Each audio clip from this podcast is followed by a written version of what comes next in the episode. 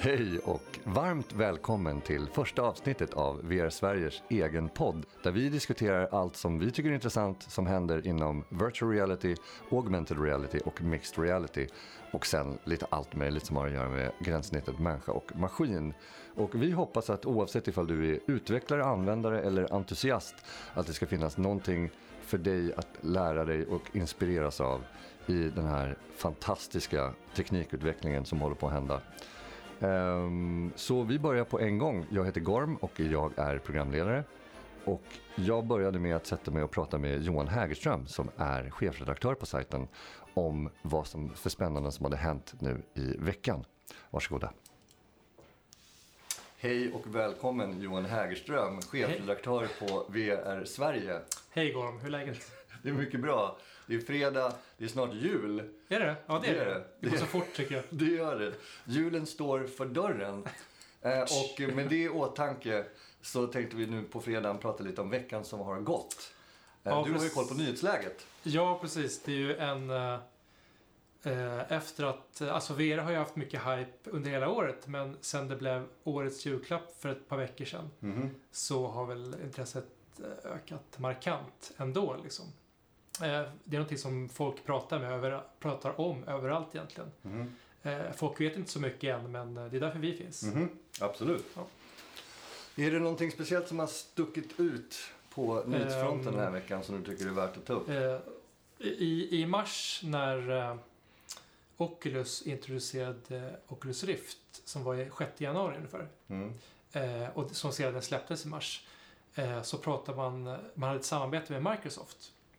Eh, bland annat så skickade man med en Microsoft-controller som du har testat med Oculus Rift. För att göra det lättare för spelutvecklare att göra för något, eh, ett format som man vet hur funkar liksom, i GamePad. Mhm.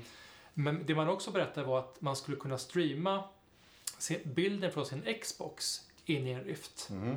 Och det var en nyhet som i sammanhanget var lite mindre och som därför hamnade liksom i bakgrunden. Eh, men nu har man äntligen släppt en officiell app då från Microsoft och Xbox Okej. som gör att man direkt kan skicka in spelet på en Xbox in i Riften. Okej.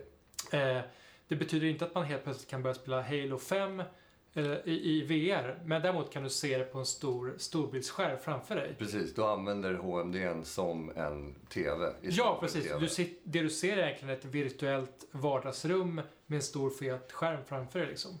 Eh, och det, det kan göra att det blir ett bet- bättre sätt att spela liksom, Mhm. eh, dina spel på. Okej, så från Xbox Live så kan man alltså direkt aktivera sin Oculus. Ja, man aktiverar, man, man styr och spelar sitt Xbox-spel i sin Oculus Rift. Mm. eh, I ett virtuellt vardagsrum. Vilket gör att man kan göra det mer privat. Man kan göra det på ställen där det kanske inte finns en skärm. Man behöver bara ta med sig sin Rift och sin... eh, Nej, jag tänkte mest på, för att ifall du går in på eh, Playstations digitala plattform, Mm, alltså deras store, mm. så finns det ju, har de en sektion som är VR-spel i och med att de har släppt den VR-hjälmen. Ja, just det. Och då tänkte jag liksom ifall motsvarigheten var att du, liksom, du behöver ju liksom inte gå ut på deras eh, online-tjänst, eh, Xbox Live. Du Mm. kan ju göra det direkt från burken. Mm. Men jag bara tänker att vissa, att det finns någon liten logga eller en symbol eller någonting som indikerar att du kan aktivera Oculus Eh, sättet. jag, jag tror jag vet inte om att... du har använt det. Eh, det är möjligt att det gör det. Det, det jag vet nu är att appen som, som släpps en ut ja, släpps alltså på Oculus Home, på deras Okej. plattform. Vilket gör att eh, Oculus Riften kopplar upp sig mot, mot Xboxen. Mhm. Eh, och sen då kommer åt alla spel som finns där. Okej. Så det är åt andra hållet liksom. Okej. Eh, och det, jag tror att det, det är ett sätt för Microsoft att säga att de eh, har VR i Xbox. Mhm. Vilket de egentligen inte har om Mhm. man jämför med Playstation. Mm. För de har ju riktig VR. Mhm. Eh, men det är också ett sätt att börja titta in på vad Microsoft gör nästa år med Windows 10. Det är uppgraderingen som kommer här i april-mars som heter Holographic. Mhm. Eh, och att Microsoft också gör egna VR-headsets under nästa år. Så jag tror allt det här kommer komma ihop eh, så vi förstår det här om ett par månader. Ja, det, det vi kan säga är att alla springer ju åt det här hållet. Ja. Och liksom med full, halv eller en indikation så, vill alla, så rör sig alla åt samma håll. Ja, In precis. i VR. Och Microsoft ju, har ju funnits länge och klart att de vill hänga på det också. Ja, och de har ju också HoloLens. Ja, vi har inte ens börjat prata om det. Så precis. att, ja, vilket gör att det är smart för dem att även hoppa på VR-tåget och Xbox-tåget på något sätt och få Mhm. ihop det. Så att, Mhm. Men det, det klarar nog här framåt våren, tror jag. Något mer? Eh, någonting som kom häromdagen, det är ett, ett mobilt, nytt mobilt VR-headset som heter Occipital Bridge. Mm, just det. Eh, som faktiskt eh, riktar sig mot iPhone. Mm. Apple, iPhone och VR har ju inte riktigt varit bekvämt. Vi vet inte riktigt var Apple är på väg. Att de gör någonting är rätt solklart, men vad de gör är liksom helt mörkt. Mm. Eh, så då är det alltså en annan tillverkare som heter Occipital Bridge som har gjort ett VR-headset som, där man sätter i sin, sin iPhone 6 eller 7 eh, och får då en VR-upplevelse. Men det de också gör att i headset så sitter det en sensor som ungefär som HoloLens scannar av eh, omgivningen runt om i rummet. Just det. Och därmed så får du det vi kallar för positional tracking i ett mobilt VR-headset. Just det. Eh, det här är ju en teknologi som alla stora tillverkare lägger jättemycket tid och pengar på att lösa. Men det är intressant att vi ser den första produkten som faktiskt går att köpa blir för iPhone. Och inte utvecklade av Apple. Nej, Nej. precis. Eh, sen att man ser ut som en, eh, som en Android eller en Cyborg och kan ha på sig här, det, det får man ta på köpet. Och Det vi tycker ju personligen att det är rätt Exakt, coolt. för vissa kan det nog vara ett plus lika mycket som det kan vara ett minus för andra. Men också, inte bara det, den har ju också integrerat AR i sig. Ja, Den har precis. VR och AR. Precis, och Finns det- det... något annat headset som har det Nej, på samma och, sätt? precis. Det, det är ett kom- komplett headset som bara försöker göra VR och AR samtidigt i samma produkt. Sen om det är den perfekta lösningen nu för att göra det bästa av båda världarna, det vet inte jag riktigt än. Men det är intressant att man kan köpa ett sånt headset. Jag tror det ligger på 500 dollar. Mm. Eh, och är man intresserad av AR... Kan man köpa det? Kan en Ja, man kan köpa det från den här veckan. Ja. Okej. Och eh, är man se- intresserad av att utveckla applikationer för AR så är det betydligt bill- billigare att köpa ett sånt och börja träna på än att köpa en HoloLens som kostar 3000 dollar. Just. Eh, sen tror inte jag att AR-upplevelsen är speciellt bra än. Eh, vad jag kunde läsa så var upplösningen bara 640 pixlar gånger 480 per öga. Vilket ju såklart är otroligt, alldeles för lågt. Liksom, att träna för mig som inte riktigt har kommit upp i Nej. vilka siffror, vilka, vill, vilka siffror vill man ha per öga? Ja, eh, om vi pratar om eh, till exempel eh, Gear VR eller Oculus Rift eller HTC Vive så Mm. har man åtminstone eh, 2000 gånger 2000 pixlar per öga. Okej. Eh, och sen smetar man ut dem då över en ganska stor, ett st- stort synfält. Men har man bara 640 pixlar gånger 480 pixlar så Mm. ja, vad kan man göra med det? Och vet du varför det är sådana begränsningar? Har det att göra med hårdvaran i iPhonen eller är det något Jag annat? tror att det är kameran i själva headsetet som filmar omgivningen, alltså AR-miljön, Mm. som inte klarar att hantera eller processa mer bildinformation. I realtid? Ja, utan att ha för mycket ström. Mm. Att det ska vara en mobil grej som du inte måste, helst inte vill ladda varje kvart. Liksom. Mm. Eh, och vad jag såg nu så hade de ett separat batteri till själva den här tracking-funktionen som då ska hålla 3-4 timmar någonting. Okej. Så att, eh, men det roliga är att vi får in en sån här nästa vecka. Just det, Ja. då ska vi testa den. Ja, då ska vi testa. Då, får vi, då kan vi ge oss svar på alla de här krångliga frågorna som Just vi nu det. ställer. Liksom. Så att det är bra. Ja, och som sagt oavsett så är det ändå kul att det händer så mycket och Ja. att det är så många, så många aktörer och så många som igen, jobbar åt samma håll. Eh, för tillsammans så kommer de även det är det, den här blandade känslan när, på den platsen som vi är just nu. När vi både är fantastiskt exalterade över allting som Ja. kommer och touchkontrollerna till Oculusen och liksom varje vecka känns som att det händer något nytt. Ja. Och samtidigt vara garvade nog i teknikbranschen och veta att liksom om bara ett år, om bara två år, om bara fyra år så kommer vi liksom vara extra, det kommer vara så långt ifrån där vi är idag. Men att vi måste gå igenom den här processen. Ja. Vi måste snubbla, vi måste utforska Men, och det är testa. fascinerande hur, hur mycket pengar, tid och kraft som det läggs på från olika företag på det här. Alltså, folk, folk kommer in öser in miljarder dollar på grejer som man egentligen inte vet om de är helt döda om 12 månader. Ja. Precis som du säger så att just nu springer alla åt alla håll liksom, samtidigt bara för att man måste göra det för att alla vill vara först på någonting. Och öser pengar och kapital på det. Eh, och vi ser ju redan att det, det finns liksom eh, grejer för ett år sedan som folk slängde pengar som idag är redan stendött. Ja. Och inte går att produktfiera och bara pengar ner i papperskorgen. Så att, Fast då kommer min fråga, det här får vi ta, ta upp i någon annan, någon annan podcast med någon som vet. Men är det inte patenten man är ute efter då? Alltså att, att pengarna blir inte förlorade utan liksom du kan investera och sen kan du använda det där för att utveckla vidare eller Ja. för att hindra eh, andra aktörer Ja. på marknaden för att Och det kan man tycka vad man vill om, om patent Ja, det och hur det låser ut. men, men det intressanta jag tror att många av de här små firmorna som gör specialiserade grejer, ungefär som Occipital Bridge, de siktar nog på att vara tidigt ute med ny teknologi och sen bli uppköpta. Ja, Det är också en affärsmodell Ja. såklart. ja, Eh, så, så att Oculus kanske köper in deras utvecklarteam. just det. Eh, och jag tror verkligen att... eh, Det är en, som en slags modding-community-motsvarighet. Ja, Att man liksom privatpersoner visar intresse, blir uppköpta av, av Valve. ja. Det är liksom drömmen att eh, precis. göra en cool grej och vara först med det. De riktigt stora killarna och tjejerna ser det och så blir man uppköpt och så blir man miljonär och sen kan man göra vad man vill. Ja, Elon Musk. Eh, nej, men han började ju med Paypal. Ja, just det. Det Ja, ja, han jag är själv ett stort fan så jag... Ja, Ja. det är det jag menar. Att det, liksom han, det var ju så han genererade sina första 100 miljoner Ja. som han sen kunde bygga Tesla och SpaceX och precis allting annat. Mm. Så, eh, vad, vad, nu vart det jättemycket Jaha. saker. Nej, men jag har några korta mer? grejer ja, till gå. Kör Eh, korta. Eh, dels är man intresserad av, av 360 och storytelling eh, som vi, eh, som vi själva är ute och pratar ganska ofta med, med, med kunder. Så släppte Nokia Oso, de, de som gör den här allra dyraste 360-kameran. De började släppa lite utbildningsmaterial på nätet på sin YouTube-kanal. Mm. En så kallad eh, masterclass, Mm. masterclass i 360. Eh, och nu finns det första avsnittet där som är en och en halv timme långt och de pratar om hur man ska tänka runt 360 och storytelling och... Men med Eh. film, inte statiska bilder utan film. Nej, utan det gäller att ta filmformatet Okej. till- in i 360 och vad man som regissör och eh, manusförfattare ska tänka på. Både tekniskt och rent hur man gör på plats. Eh, så det är väl, väl värt att titta på. Mm.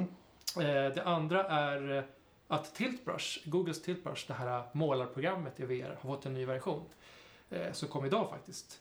Eh, det är version 8.0. Eh, och en av de största funktionerna är att man nu kan spela in 360-film inifrån Tiltbrush. Okej, för er som inte känner till programmet Tiltbrush kan du förklara vad det är? Eh, Tiltbrush är egentligen eh, ett enkelt målarprogram där du står i en virtuell miljö och så målar du i luften framför dig med, penslar, olika färger. Eh, och du kan också gå runt i din teckning. Du kan vända och titta på ett annat sätt. Du kan gå in i den, du kan skala upp och ner. Eh, det är ett enkelt, det börjar nästan bli en helt ny konstform av det. Du Mhm. tycker själv, du har ju testat. Ja, absolut. Och det, det är inte bara att det finns penslar, du kan ju också måla med partikeleffekter. Ja, Rök och eld och, och snö ja. snö. Och, Och ljus. Det, precis, och det, och det är kul för jag är ju komplett hjälplös vad det gäller att, att skapa grafik. Men vi har ju demat det för massa ma- människor. Och bland annat nu senast på uh, RMI Bergs när vi träffade lite folk från Konsthögskolan. ja. Och det är alltid roligt att se en konstnär De som eller kan skulptör bara sätter, du, men du vet på en gång så här, swish, swish, swish, swish. Och så blir man så här, ja det där är jättesnyggt. I wish I Gjorde could det. do that. Men nu kan man då Ja, spela är in det skillnaden? i Ja. 360-film. Ja, Och sen kan du då uppleva när den personen skapade det. Det. Och faktiskt titta runt hur en den gjorde här, vad det. heter det? Spitpaint, vad heter sånt som man kollar på på YouTube? När någon du vet har snabbat upp en film när de visar hur de Ja. tecknar någonting. Men här kan Men du det i se realtid. i, i, i, i 3D och i realtid. Ja, Ja. just det. Och att du kan se det liksom eh, se det verkligen från grunden till det färdiga objektet sen. Mhm. Att du verkligen eh, kan följa processen i skapandet. Eh, Så det är ena funktionen. Det andra, den andra funktionen är att de har lagt till någonting som de kallar för guides. Eller jag kallar det Mm. guider eller mallar. Mm. Det gör att n- när du Nu, sitter jag här och viftar i rummet för Garmin, så han fattar. Men jag ska försöka Illustrera berätta det i ljud också. Så när man målar i, i en 3D-miljö eh, så vet du inte alltid vilket djup du målar på. Och nu rör jag handen fram och tillbaka här. Eh, vilket gör att det kan vara svårt att måla en, en klassisk eh, tvådimensionell tavla i. För Mhm. du vet ju inte Just du målar riktigt. Och då har Tiltbrush nu lagt till någonting som de kallar för guides, som är egentligen mallar som du stoppar upp i miljön.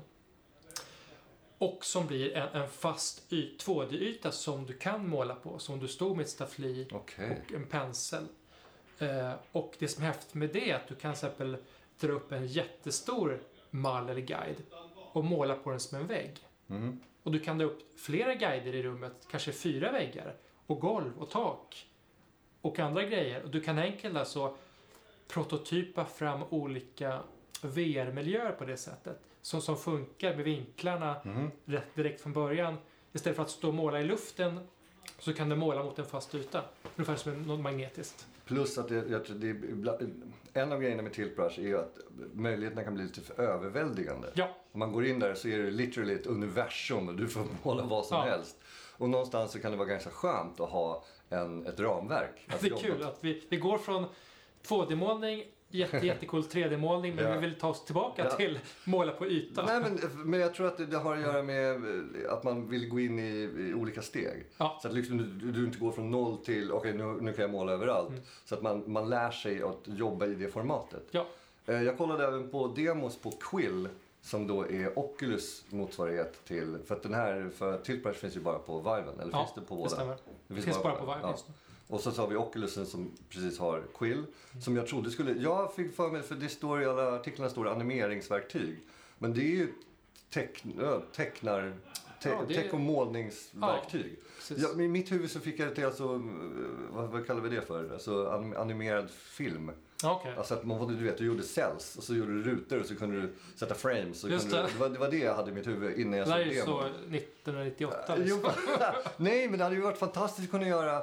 För det- jag har sett något annat program där du kan göra, men fast med 3D-modeller, animationer. Just det. Eh, och Men- det verkar ju jättekul som regissör att kunna gå omkring i en scen Ja. med lika stora personer som dig. Mm. Och sen så du vet, skripta dem och ge dem Mm. instruktioner. Det verkar Men det, superkul. det som förmodligen förvirrar då att i Quill så finns det en, animeringsfunktion. Just. Du kan få saker att röra sig. Och det finns också i Tiltbrush. Eh, jag- Inte än, men Nej, vad jag har hört så kommer Google i nästa version, vad det nu kommer heta, Ja. med både att man kan animera de här sakerna man målar, men även eh, multiplayer. Det är det som är det stora, att du just kan, är den sociala funktionen, ni kan ses ett par kompisar i ett tomt rum och börja måla Ja. en värld tillsammans. Det, det Du ser möjligheterna. Ja, det kommer bli Det är nästan så att man eh, Ja, inte det, det, kommer bli, det kommer bli superroligt. Eh, Eh, och sen så har vi även, uh, heter det motion? Som är, nej, nej, nej, touch i kontrollerna, de har jag lärt mig. Nej, men det här ler... du pratar alltså om Oculus Touch? Oculus, precis. Ja, som Nej. är Oculus... Eh, Oculus touch är ju hand, ja, det är handkontrollerna ungefär som HTC Vive har sina kontroller så har Oculus nu skaffat Oculus Touch. Det släppte för några veckor sedan. Som är handkontroller där du kan se händerna med dig i VR. Liksom. Ja. Och till det så har de, förutom Quill, Ja, ett program som heter Medium. medium heter det. Och eh, det som skiljer Medium mot Quill och Medium mot eh, Tiltbrush. Tiltbrush är att i Medium så är det mer ett skulpteringsprogram Mm. än ett målarprogram. Mhm. Eh, du kan måla med, med lera eller metall eller plast. Eller nu säger jag måla, utan du kan skulptera. Utan du, du kan bygga 3D-modeller Modellera. eh, med olika verktyg eh, och enormt mycket verktyg du kan göra för att sen förändra små detaljer. Eller du kan bygga karaktär eller hus. Eller, Har du sett ett program som heter ZBrush? eh, ja, Det precis. påminner mig lite om det. Så ifall Ja. man har sett det, eller Maja, Ja, så är det lite, lite, lite, lite... du kan enkelt, enkelt slänga upp en lerklump och sen stå och rita och trycka ut och sådär. Och, eh, sen det roliga är att man, när man är klar med det, då kan man exportera ut det som en 3D-modell Mhm. och sen då eventuellt ta in ett annat eh, 3D-program som kanske är mer avancerat för att Mm. göra sista detaljerna. Mm. Eller att börja använda modellerna direkt i en, i en VR-värld. Så man kan skapa VR inifrån VR själv. Eh, ja, nu blir det lite Ja. snurrigt här. Men eh, ja, du ser ju, redan så börjar vi nå gränsen för vad våra, våra begränsade sinnen klarar av att Ja. tänka. Vilket är rätt häftigt. Det är otroligt häftigt. Eh, ja, och sen får vi ju se ifall det når en punkt som är mer en novelty. För frågan är ifall alla, jag tänker så här, ifall alla grafiker, ifall, jag tänker på det här med stå och jobba. Ja. Alltså för att det det är kul att skulptera ett tag. Ja. Men om du ska jobba med det åtta timmar varje dag, om man är van att sitta med en wakeboard och sitta och Ja. liksom animera så, så kanske inte arbetsflödet kortas ner bara för att man nu har de här fantastiska... Så vi får se ifall det här är det optimala sättet att vara verksam på. Men var det än är så är det ju inspirerande. Ja. Och som sagt, när man sätter det i händerna på folk som redan är kunniga Mm. så blir det ju magi. Det är ju superkul att titta på. Och, och jag, jag bör- börjar verkligen se det som vi pratar om att eh, det är nästan så att det är en ny konstform som håller på att växa fram. Och där Mhm. man, där eh, när vi visar det för riktiga konstnärer, att de bryter murarna liksom. Och vi bara tittar på när de går igenom och bara fortsätter på något sätt. Ja. Eh, och det är även så att, att, eh, att se på en bra konstnär och ge dem till exempel tiltbrush. Det blir en fantastisk upplevelse för publik att titta på. Det är nästan Just som en, som en underhållningsform i sig. Liksom, Mhm. att, att se dem på en stor skärm där de står och kreerar på ett nytt och gränslöst sätt. Eh, vilket är jättehäftigt. Eh, och Ja. Vi har bara sett början av det. här. Nu ser jag ju framför mig hur man i VR är på någon otroligt, i någon otroligt mysig gemensam miljö. Mm. Och sen så är det en eller flera konstnärer som tillsammans gör någonting tillsammans med flera musiker som också gör någonting. Mm. Så man har liksom ett jam Mm. där alla kan liksom participera eller dansa eller Mm. måla eller... Ja, I wanna go to there. Let's make that happen. Let's make that happen. Det är nästa podcast, det är Ja. inifrån det stället. Exakt. Tiltbrush-rummet. Eh, har du något mer på, på listan? Eh, det var det. ja, Det var en grej jag såg precis när jag gick in i rummet här. är ju eh, att Lego nu har släppt en, en app. Det här det kändes ju ändå lite, inte, jag ska inte säga på det självklart, men det Ja. kändes ändå som att de följer en ganska ja, naturlig... ja, absolut. ifall de, de har ju liksom gamifierat Lego med alla... Ja, ja. Lego-spel har ju funnits ganska Lego-spel, ja länge. men Lord of the Rings, Batman, Star Wars. Ja, Alltså all, de har ju tagit alla de här stora IP'na och gjort förhållandevis roliga spel precis. till dem. Men det är det jag tänker mig nu att eh, jag känner ju till väldigt många föräldrar ute som, som springer på stan och letar Lego-julklappar till sina barn. Ja. Liksom. Och det är ju en hysteri utan dess like. Eh, och tänk dig då om man kan med en enkel VR-miljö få en oändligt stor Lego-låda. Ja, Och oändligt många ritningar som man kanske delar med sig mellan kompisar och sådär. ja. Och så kan man bara sätta igång och bygga liksom. Och nu släppte då eh, Lego någonting som heter Brickheads. Jag tror det är ett av deras eh, undermärken. Det är Mhm. någon form av Lego, special-Lego. Mhm. Där man nu kan bygga enkla Lego-modeller i VR med en oändligt stor Lego-låda. Eh, och det är gratis. Eh, men det finns bara till Google Daydream. Mhm. För att det behöver ju handkontrollen Just för att kunna plocka upp där. Mm. Och, och Daydream är alltså Googles nya VR-headset. Och det ska inte blandas ihop med till exempel Cardboard, den här kartongvarianten som vi haft under åren. Utan det här är alltså high-end VR, det är mobil VR. Eh, och eh, jag tror att alla nya mobiltelefoner som börjar säljas nästa år kommer ha Mm. den, den kompatibiliteten i sig. Just det. Så att... Och vad eh, kostar, kan man köpa ett Daydream headset i Sverige nu? Eh, idag kan man inte göra det. Eh, Google själva säger att de inte riktigt vet när de ska lansera det. Eh, men jag tror också att det handlar om att de kan inte finnas på alla marknader direkt. Även stora Google kan inte göra det. Eh, plus att många av deras andra partners som Samsung och LG och Motorola kommer ju själva med egna nya telefoner som stöder den här Daydream-standarden. Mhm. Och de kommer göra det nu under Q1, eh, kvartal 1 i 2017. Så jag tror att eh, vi har redan sett att Motorola redan har en Daydream-kompatibel telefon ute. Eh, men efter nyår här så kommer det explodera och alla nya telefoner kommer ha det. Mm. Eh, så att Google måste ju egentligen inte släppa sin egen telefon här i Sverige. Egentligen. Nej, men Daydream-headsetet lär Ja. vi behöva sälja. Och Daydream vad kommer det kosta i sådana fall? Daydream headsetet ligger på, jag tror det är på 60-70 dollar. Så jag tror det kanske, jag skulle gissa på 6-7-800 kronor. Mm. kommer det ligga. Och då får man hö högkvalitativ mobil VR som eh, direkt kan konkurrera till exempel med Samsung Gear. Mhm. Eh, som har varit ganska ensamma om det här året hittills. Mhm. På, på bra mobil VR. Så jag tror att eh, eh, om jag själv skulle rekommendera någon om man ska tänka, vad ska jag köpa för VR-headset sådär. Då skulle jag säga att eh, fundera på när du ska, istället när du ska byta till, till nästa telefon. Och se till att du köper rätt telefon. Eh, och, och om du funderar på att köpa telefon, ja, men vänta gärna till eh, januari, februari innan de här nya modellerna börjar komma.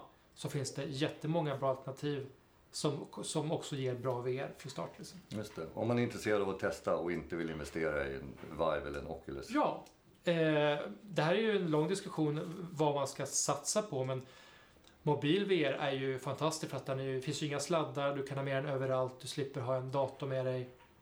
Eh, det är ganska tillgängligt för många, det är lätt att komma in i så att eh, visst, det håller inte riktigt samma kvalitetsmässigt än men på sikt så kommer det ta sig fram där. Men vill man vara med tidigt så vänta åtminstone ett par månader innan det kommer bättre telefon. Ja, och jag tänker om man redan är en person som använder sin mobiltelefon väldigt mycket Mm. för att spela, för att socialisera, för att titta på Youtube och Netflix.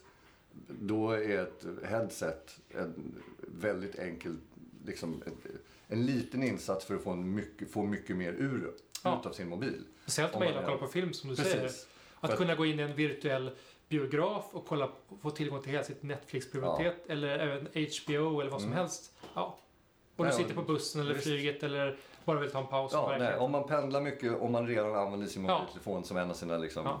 huvudsakliga mediakällor. Så blir det en bättre upplevelse redan nu. Japp. Trots att det bara är generation 1. Japp. Ja. Nej, vi har ju testat uh, Daydream-headsetet och det är ju en enorm skillnad att ha den här handkontrollen. Mm. Eh, till skillnad mot att sitta och, och klämma sig själv på tinningen med, Mm. med. För er som inte såg nu så började, går de och klappar sig själv på huvudet. På och- tinningen, där man har styrfunktionen Precis, för. och det vi pratar om då är Samsung Gears eh, mobila headset där du inte har handkontroll utan du har som en liten joystick på sidan av huvudet där man då väljer att interagera. Jag gör också samma sak, jag sitter och swipar på tinningen ofta och folk undrar vad jag håller på med liksom. Precis som att det har blivit en grej liksom. Och det har det ju blivit. Ja, fast det är också en sån där sak som man kommer glömma fort. Ja. Det var en grej det här året. Eller vi kan Till prata om tio år, kommer kommer du ihåg vi satt så här Så liksom? det kommer, ja, men det här 2017 kommer vi sitta med tummen sådär varje gång vi visar. Ja. Eh, har du någonting annat? Är det någonting Ah. julbetonat? Jag tänkte jag skulle försöka göra lite jul. Det är ju snart jul va? Ja, eh, inte- ja, vi har du våra kära kollegor här på, på kontoret. De tänkte jag försökte se ifall jag kan få en intervju med. Ja, För, att- för att snacka med Men vi kan ju nämna dem. Ja, Hat Rabbit. ja. Som har gjort eh, ett snökastningsspel. ja, Snowball eh, Christmas någonting. Precis, som finns ute sedan igår. Ja, på Steam. På Steam. Så det kan man ifall man är, gillar att kasta snöboll på den där. Har, har du testat det? Jag har testat det. Har du några tankar? Eh, för, för det första vill jag säga att det, det finns på Steam och det funkar på HTC Vive. Och spelet går ut på att slänga snöbollar på eh, elaka små människor, liksom. Okej. busungar. Liksom. Okej. Eh, som försöker slänga snöbollar på dig. Så det är egentligen ett traditionellt snöbollskrig. Eh, du står i, på, i, på en gata och så kommer de här eh, odågarna fram och slänger snöbollar på dig. Ja. Och då kan du antingen välja att fånga dem eller att svepa bort Bollarna, dem. inte personerna. Nej, man fångar inte barnen än. Okej. Men man det är fångar ett helt bollarna. annat spel. Ja. Mindre jultema. Ja, precis. Så att, eh, och det gäller då att slänga så att de, eh, de försvinner. Liksom. Okej. Och så kan du få olika bättre bollar och Okej. mer sköldar och du kan gömma dig. Och Okej. Riktigt enkelt att komma igång med. Väldigt, väldigt snyggt. Ja. Det märks att de två personerna som har gjort på Hatrabbit är grafiker Ja. och kan det här med eh, grafik. Ja. För det är väldigt polerat och snyggt från början. Rolig idé. Väldigt, väl, extremt julig musik. Okej. Får vi se hur länge man orkar med den liksom, efter påsken. Precis, precis som all julmusik. Ja, men, eh, och det här är vad jag förstår. Vad kostar det? Vad? Vad kostar det? Det vet jag inte. Okej, då får man gå till Steam för att se. Precis. Mm. Jag, jag vill säga gratis, men Ja. jag, jag vet inte. Så att, eh, eh, jag vet faktiskt inte. Okej. Eh, där har ni eh, lite jultematiserat spel som man kan hitta på eh, Viven, på Steamen. Eh, hade du någonting, något, några avslutande, några avslutande ord? Eh, nej, men jag vill säga att eh, ett otroligt spännande år är snart bakom oss. Ja. Eh, men eh, det finns ju inga indikationer på att det kommer sakta in på något sätt. Snarare att snöbollen i det här fallet rullar vidare liksom. Ja. Eh, och blir ännu större och rullar ännu snabbare. Och ja, det är ett väldigt spännande 2017 som ligger framför oss. Sedan så satte jag mig för att prata med Joakim Svärling och Andreas Krysset Krysovitsanos som dri- tillsammans driver studion Hat Rabbit som igår släppte sitt första spel. Eh, här kommer de. Hej. Eh, välkommen till Vera Sveriges podd. Um, Hat Rabbit, du, vi har glömt bort era namn. Ni heter Joakim. Joakim och... Andreas. Hej Joakim och Andreas, välkommen. Tack. Tack. Eh, ni kommer från en spelutvecklarstudio som heter Hat Rabbit. Kan ni berätta lite om Hat Rabbit? Absolut. Ehm, ja, vi är nya kan man säga. Eh, halvt nya. Vi drog igång egentligen i våras med bolaget men med nya bolag så är det papper och det, är, det tar en tid innan man är igång ordentligt. Man bakar innan man sätter in i ugnen och det är det vi har gjort. Vi har suttit och bakat.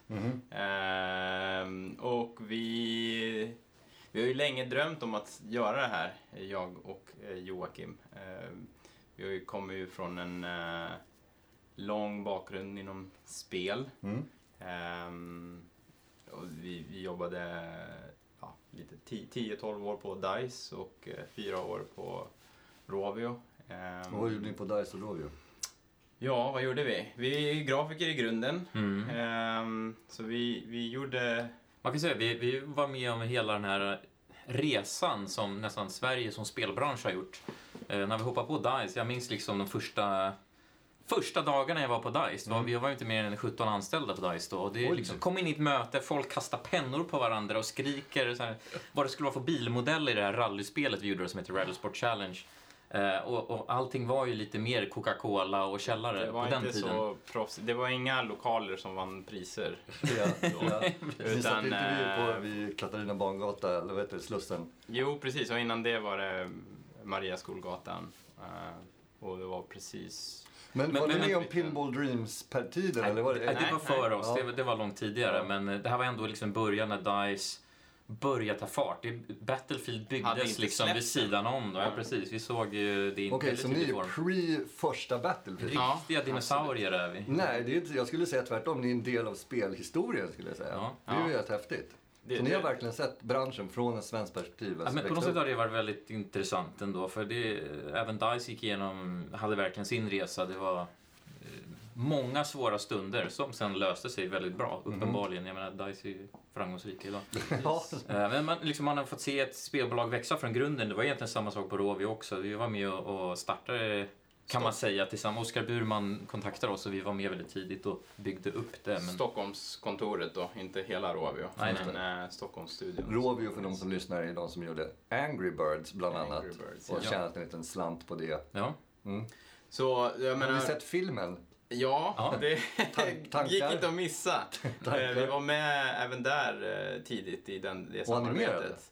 Nej, men, men eh, det var mycket som var både inspiration åt, åt deras håll och åt vårat håll under det arbete vi utvecklade Angry Birds 2. Mm. Så vi jobbade relativt nära eh, filmteamet under den perioden och, och det var liksom mycket snack om den nya lanseringen av den nya Angry Birds, hur det Mhm. skulle se ut och, och så. Så vi fick ju se tidigt filmklipp och så vidare.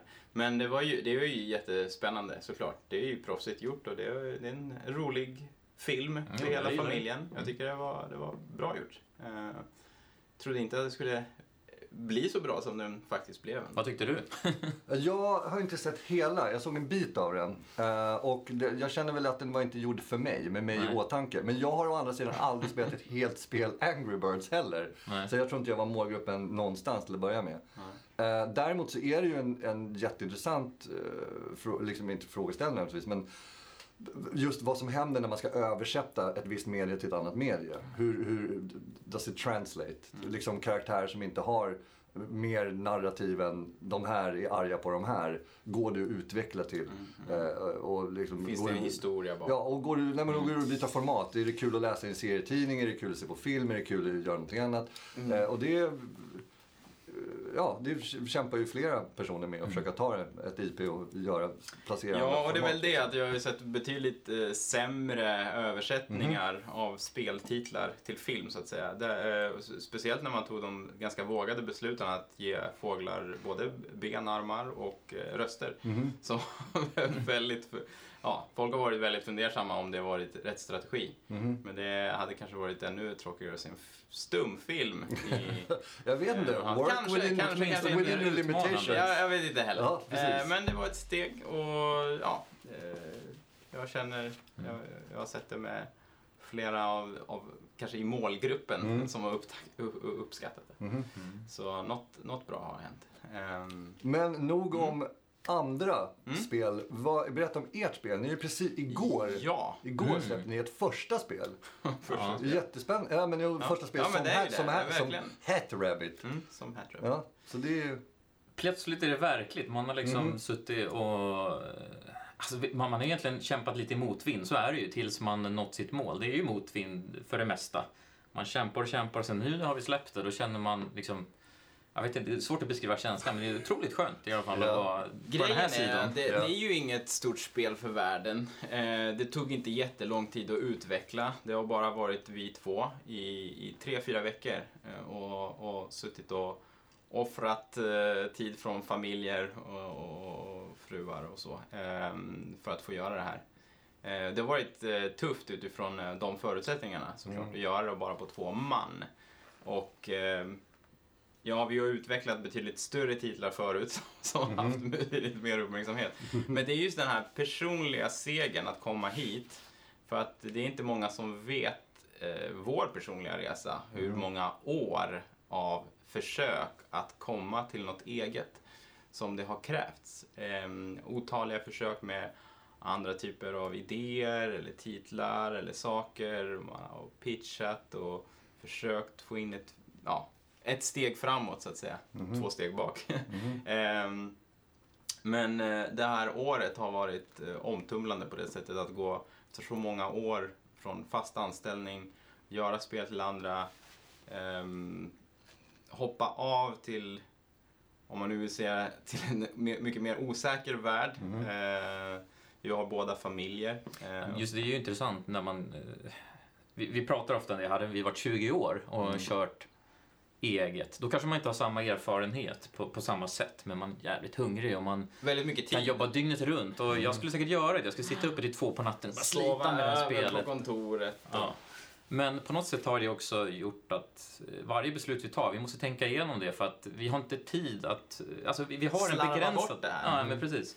Så vi har varit noga med att eh, mycket kill your darlings och bara fokusera verkligen och tänka ut i god tid, vad är det vi behöver göra och liksom fokuserat köra på. Men är inte det någonting som också kommer av de här 17 åren av erfarenhet? Och att det var en del i vad som krävdes för att ni skulle komma Ja, till den jo, här punkten det- nu? Eh, Kanske, eller så I var det det enda valet vi hade. Jo, men det, är, Jo, det, men det är en kombination. Då spelar, då, då, rent filosofiskt spelar, gör det ingen skillnad i sådana fall.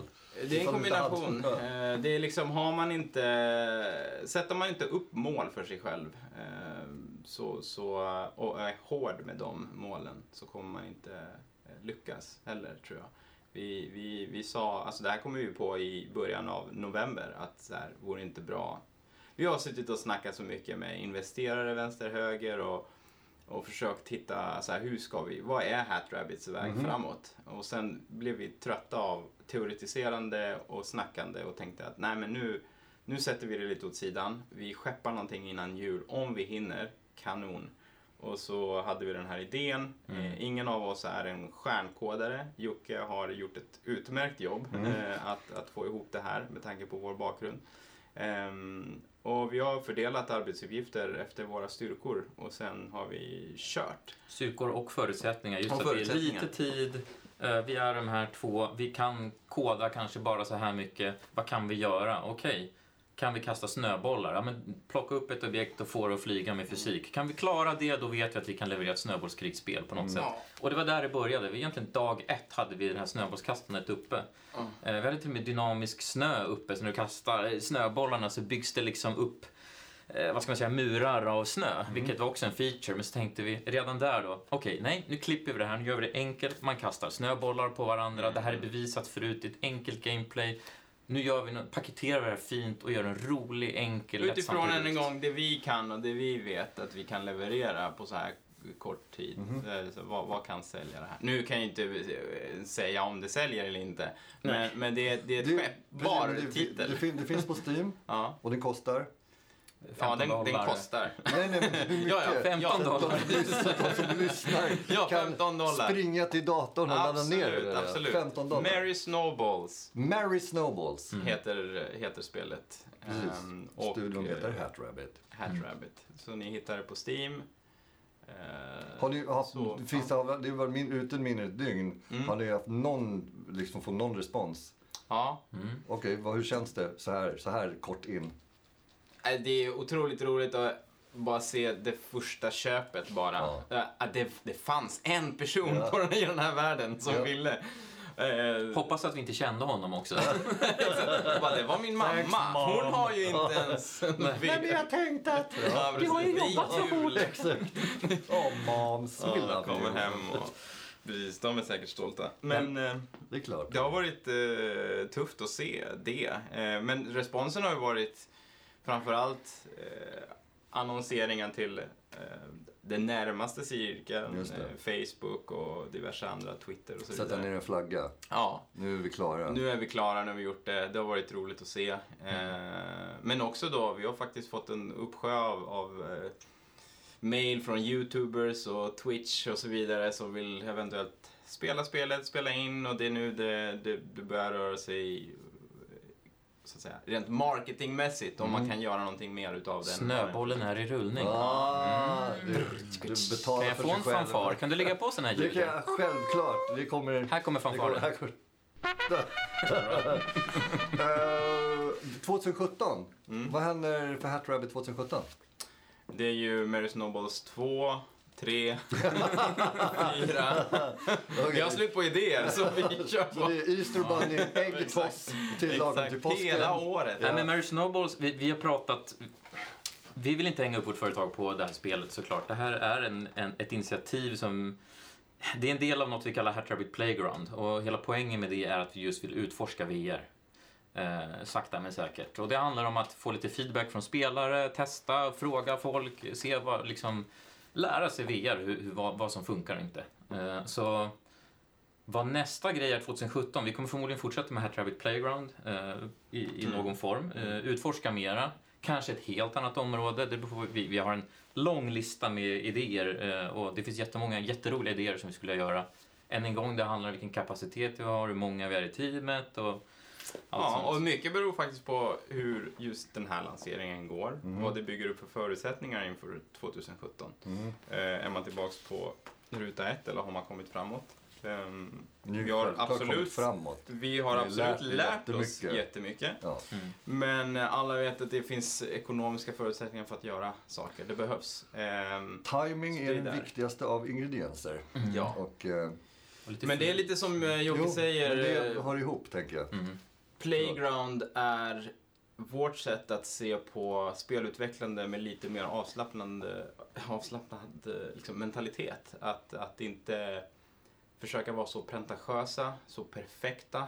Eh, släppa saker utan att vi, vi vet att till exempel den här titeln hade vi kunnat göra dubbelt så bra, trippelt så bra, med lite mer tid. Men det är just det här, när säger man stopp? När är en tavla Mhm, klar? mhm. som vi har lärt oss genom erfarenhet eh, att försöka vara, bli bättre på. Vi har vår egen stolthet också som ligger och spökar. Vi har vår bakgrund av vänner och bekanta inom spelindustrin som gör makalösa saker. Eh, Vi har vårt rykte bland dem och vi vill såklart bli respekterade för det vi gör. Däremot, vi kommer aldrig släppa något som vi inte är stolta över. Eh, Däremot eh, kanske inte det bästa vi kan göra alltid. Utan tillräckligt bra eh, för att vi ska kunna gå vidare och Mm. titta hela tiden på vad som är viktigast. Och, och det, det, är som det du är inne på där med vår historik och så här, det, det kommer att ta ett tag innan man helt kunnat släppa sin gamla roll någonstans där från alla år. Hur man har utvecklat spel, vilken apparat man har bakom sig. Nu står vi på egna ben eh, och, och det är en annan sits och vi behöver, borde egentligen släppa alla de här kraven man kanske hade innan. Nu bestämmer vi ju själva över vad vi tycker är Mm. good enough, vad vi vill göra med det här företaget och det kommer ta förmodligen en tid innan man är ja, helt på rätt plats. Mm, såklart, det tar. Eh, Och, och det är ju också viktigt eh, att se helheten som det här spelet nu. Vi har ju ofta jobbat i ett i större team där vi tagit en position, vare sig det är som art director eller grafiker eller technical artist eller vad det kan vara, där man har kunnat fokusera på det man är bäst på. Eh, här har man behövt göra allt eh, i utvecklingen själv. Eh, och då gäller det att prioritera bort saker som man annars skulle sitta och polera till sitt lilla hörn. Ehm, Det, det handlar om produkten och det är det. Vi kan inte längre heller säga att vi är grafiker, vi är spelutvecklare Eh, och det har vi känt väldigt länge, även på de företag vi varit innan. Vi är spelutvecklare, vi ser på spelutveckling på det sättet. Inte utifrån våra grafikerroller utan utifrån roliga produkter. Vad kan vi göra för att erbjuda spelare något nytt och fräscht framöver? Är gamers själva, antar jag. Absolut. Ja, Men du, ja, vad, vad är en gamer? Men eh, Ja. jag växte upp med jättemycket spel. Jag skulle säga att spelandet har det blivit mindre och mindre av.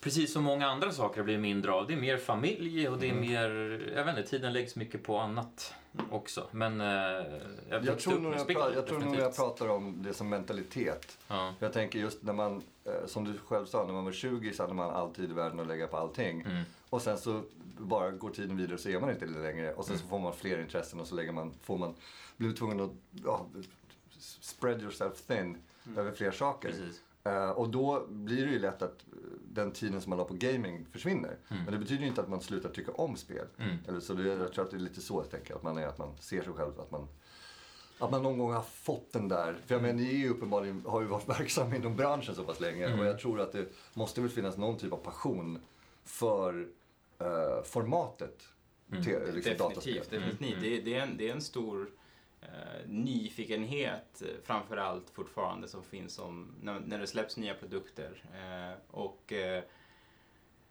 jag följer ju det ur ett professionellt perspektiv Mhm. kanske. Eh, Titta på mängden Bloom. Ja, precis. Antal pixlar på skärmen. Eh, nej men det är liksom... Det finns alltid några titlar som, som berör en mer än andra. Eh, man är hela tiden där och, och ser vad följer liksom, vad, är, vad har släppts nu, vad är det som händer och, och så vidare och så vidare. Mer än vad jag kanske tar mig tiden att spela spelen själv. Jag tittar på spel, jag analyserar, jag ser, man ser marknaden och så vidare. Mhm. Man zoomar ut lite. Men ehm, skapandet och, och, och liksom nörd, nörden i, i en finns ju kvar. Mhm. Och det är ju också en förutsättning om man jobbar med det här såklart. Eh, sen kan jag tycka just att VR har tagit ett steg där spel och gaming inte är en, liksom en självklarhet för att uppleva bra VR. Och det är där eh, vi kommer in i bild också. Eh, att vi alla de år då vi utvecklade spel på DICE eller Rovio har vi varit, haft en lite annan kanske infallsvinkel har vi känt. Eh, när vi utvecklade bilspel så eh, brukade vi stanna in rallybilen in i en liten skogsglänta, eh, stänga av lyserna och låta regnet falla på rutan, känna hur det kändes att vara i bilen. Ja. Och bara den här känslan av att, som alla känner igen, vinterutetorkaren går och man är där på plats. Mhm. Och det där har inte så mycket med spel och spelmekanik att göra mer än en upplevelse. Och det är det vi vill gärna eh, Eller så är det mer precis av. det som är det viktigaste. Ja, Alltså, jag tror att- man är jag- spelare. Det det- finns, det det ju finns det. ju Folk väldigt mycket olika. olika. Men- Men, men det är där där är vi ju- ja. kommer ifrån. Och det är lite det här beröringspunkten. Vi vill gärna Närvaro. skapa saker med närvaro, i Mm. hjärta och värme. Och det är någonting som vi hoppas också vi har fått ut även i vårt lilla Mary Snowballs-spel. Mhm.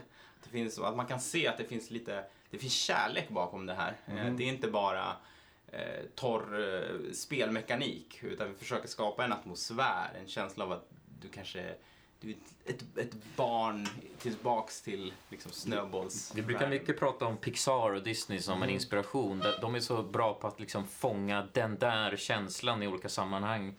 Med Ratatouille-filmen till exempel, med den råttan och det är så här franskt dragspel och det är mat. Allt, de verkligen fångar de här känslorna. Visualisera smak. Det, hur svårt är inte det? Mhm. Men de lyckas.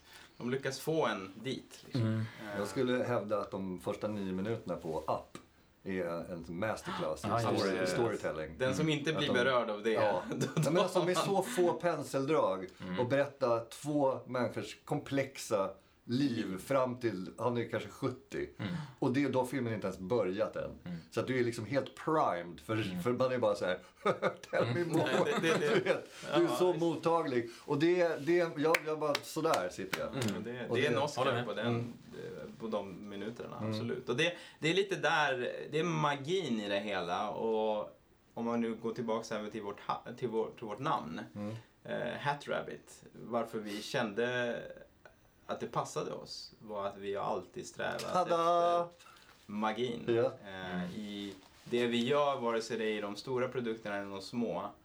Eh, och där vi anser att vi har våra styrkor i alla fall. Ehm, att skapa en, en, en, en penna och modellera den och, och, och rendera den och visa den för världen, det är en sak. Men att få folk att älska pennan, att förstå historien bakom pennan, att känna en identitet med en sak. Det är där vi kommer in. Ehm, och jag hoppas att vi kan göra och bevisa det ännu mer för världen. Mm. Jag med. Mm. Men uh, apropå VR-spel, har ni, några, er, har ni haft några bra VR... Jag börjar säga VR-upplevelser av allting. Ja, Och när vi var ute och visade demon häromdagen Mm. så, så hörde jag flera personer använda uttrycket. Nu så har, bara- VR-upplevelser. Istället för, för att det, det är mer än spel. Ja, det är och när vi demar så demar ju vi Blue och Tiltbrush och andra saker. Absolut. Just för att det, det, det, jag vet inte, det känns lite banalt att bara ha spel när man skjuter ner saker. Mm. Just för, framförallt för att det är en så stor publik och vi vill att så många som möjligt ska få se möjligheterna med det. Eh, men nu har, har ni någon VR-upplevelse som ni, som ni just nu tycker är värd att uppleva. Det, det roliga är att sista tiden, just när vi, vi gått in i grottan och jobbat, så har vi typ skärmat, oss, eh, skärmat av oss från nästan alla spel som har släppts. Vi har sagt så här, vänta in på agendan, spela spel idag, men det Ja. gör vi. Först Ja, lite bokföring, måste- sen ja. lite det här Ja. och sen så här, fan vi hann inte idag heller. Ja. Ja. Men äh, absolut. Vi måste ta i- ikapp oss, så vi har ingenting som vi spelar idag. Däremot är det, är det fortfarande, tycker jag, ja, nu vet jag inte vilka som har, alla som inte har prövat VR. För mig var, blev VR på riktigt när jag första gången testade Viven. Mm. Eh, och fick testa produkter som The Blue, Mm. eh, The Lab. The Lab, Job Simulator, det ena och det andra. Jag tyckte att det var, det var då det kändes som på riktigt. Mm. Eh, jag har prövat mobilt VR eh, som kan vara bra på sitt sätt. Eh, och Oculus. Men just room scale och kontrollerna och exaktheten och prestandan bakom saker gav en verklighetsflykt på riktigt på ett annat sätt. Så fortfarande är det där eh, jag ser me- mest av eh, vad ska man säga, framtida produkter eh, rent kvalitetsmässigt men inte nödvändigtvis eh, marknadsmässigt. Ehm, men det finns ingen som jag Ja, på raka arm... Jag- brukar gilla att prata om eh, Share in a Room, Greenwater-spelet. Det. För att, inte nog med att man då har blivit immersed av själva tekniken och kontrollen, utan även storymässigt. Det hände någonting jag spelade där. Det var en sån här obehaglig känsla. Det är inget trevligt spel, det är ganska Det är den när du sitter fast i en rullstol och blir rullad en Nej, det, vilken ja, du är på ett mentalsjukhus Okej. och du kan gå runt och ska försöka nysta lite ledtrådar om, om ett mord, om ja, du själv var mördaren eller vem du mördade eller etc. Eh, och det är ganska otrevlig stämning. Det var här som när jag spelade Silent Hill 2 för massa, massa år sedan och när spelet var klart så kände man sig berörd och illa till mods på ett skönt sätt. Och det var lite samma känsla i det här spelet. Och, och jag var verkligen inne i, där, i den där världen och det var inte så vackert, spelet. Jag är ju en grafikernörd Mm. såklart, men, men det var ändå häftigt på något sätt att kunna spela en story. Och det var ju lite längre spel än alla de här korta, liksom Vad hoppa heter det? in. Green chair? Ja, jobbigt namn. Okej. Greenwater, a chair in a room. Share in a Chair in a room. room, okej. Ja, ja. Kolla. ja, det har funnits ute rätt länge nu. Men, Mm. det, men det finns ju ja, massa Det nya finns ju uppsjö av som har massa små alltså experiment. Det, det är liksom kanske lite för lite kompletta upplevelser så mer än en Ja, egentligen lite som det vi gör med Mary Snowballs. Det är liksom en snippet av någonting kanske större. Ehm, så det, ja, det gäller att leta. Nu ska vi väl gå tillbaks till vår grotta och kanske spela lite spel. Ja, ja, Tack ni för påminnelsen. Ja. Ja. Eh, då kan jag även, jag har precis suttit och spelat snart klar med Kronos. Mm. eh, som var ett av benchmark-spelen som kom med Oculusen. Eh, jag tyckte de gjorde en bra lösning för, om vi ska kalla det för VR 1.1. Mm. Eh, innan vi har liksom room scale ordentligt, eller det, det finns men liksom, det, alla kontrollproblemen. Så de har ju valt att ha en fast kamera i varje scen så styr du en liten RPG-gubbe och sen så byter du precis som gamla. Resident Evil. Mm, okej. Ja. Liksom, så vilket störde mig jättemycket då med det. För då var det en fucking zombie som stod där och ville äta en. Och du hörde den men du fick inte se den för du hade gått förbi en jävla trigger. Mm. Eh, Men här har de gjort det mycket smidigare. Och jag insåg att om jag hade spelat det i vanlig 2D så hade jag inte varit så jätteimponerad. Nej. Men det räcker. Det räcker Mm. med att du är in och rent grafiskt så är det bitvis stunning. De har lagt jättemycket tid på att jobba med skala och rymd och... Ja, det så att det, på. Det är det man inser. Just skalan, otroligt effektiv, det är effektivt verktyg i VR. Vi märker ju bara när man tar, stoppar in en kub i Ja. Unity, så är man inne i den- med den här VR-hjälmen och så tar den andra då och bara skalar upp den här Ja, kuben. Det är en ja, kub. Ja, och man Men är nu är den tio gånger så stor. Ja. Wow, det här nej, är- men det är amazing. Ja. Och, nej, och, Det måste och- utnyttjas mer. Precis, och, och bara det faktum att de... Jag skriver upp det. Ja, det är, could 10 be a 10 game. ska de vara. Ja. Vilken- Snow, snow cubes. Stor kub. Jag lägger in det i Mary Snowball snart, Ja. om, om ni undrar vad det är till höger. Kub. stor kub. Kubpatchen som kommer, kommer i januari. Uh, vad, vad trevligt. Tack så hemskt mycket för att ni kom hit och berättade lite. Tack, trevligt. Um, Mary Snowballs finns på Steam Mm. och eh, ska köpas innan Viveport jul. snart också. Viveport snart. Mm. Bra. Mm. Då hoppas vi att ni eh, tjänar en massa pengar så att ni kan i lugn och ro göra flera fantastiska spel under 2017. Mm. Tack. Tack så jättemycket. Mm. Och där avslutar vi första avsnittet av VR Sveriges nya podcast. Jag heter Gorm. Du kan nå mig på gorm.vrsverige.se om du har frågor eller förslag på saker som du skulle vilja höra i framledes cast som vi kommer göra. Eh, I övrigt så önskar jag dig en god jul och ett gott nytt år och sen så hörs vi igen 2017.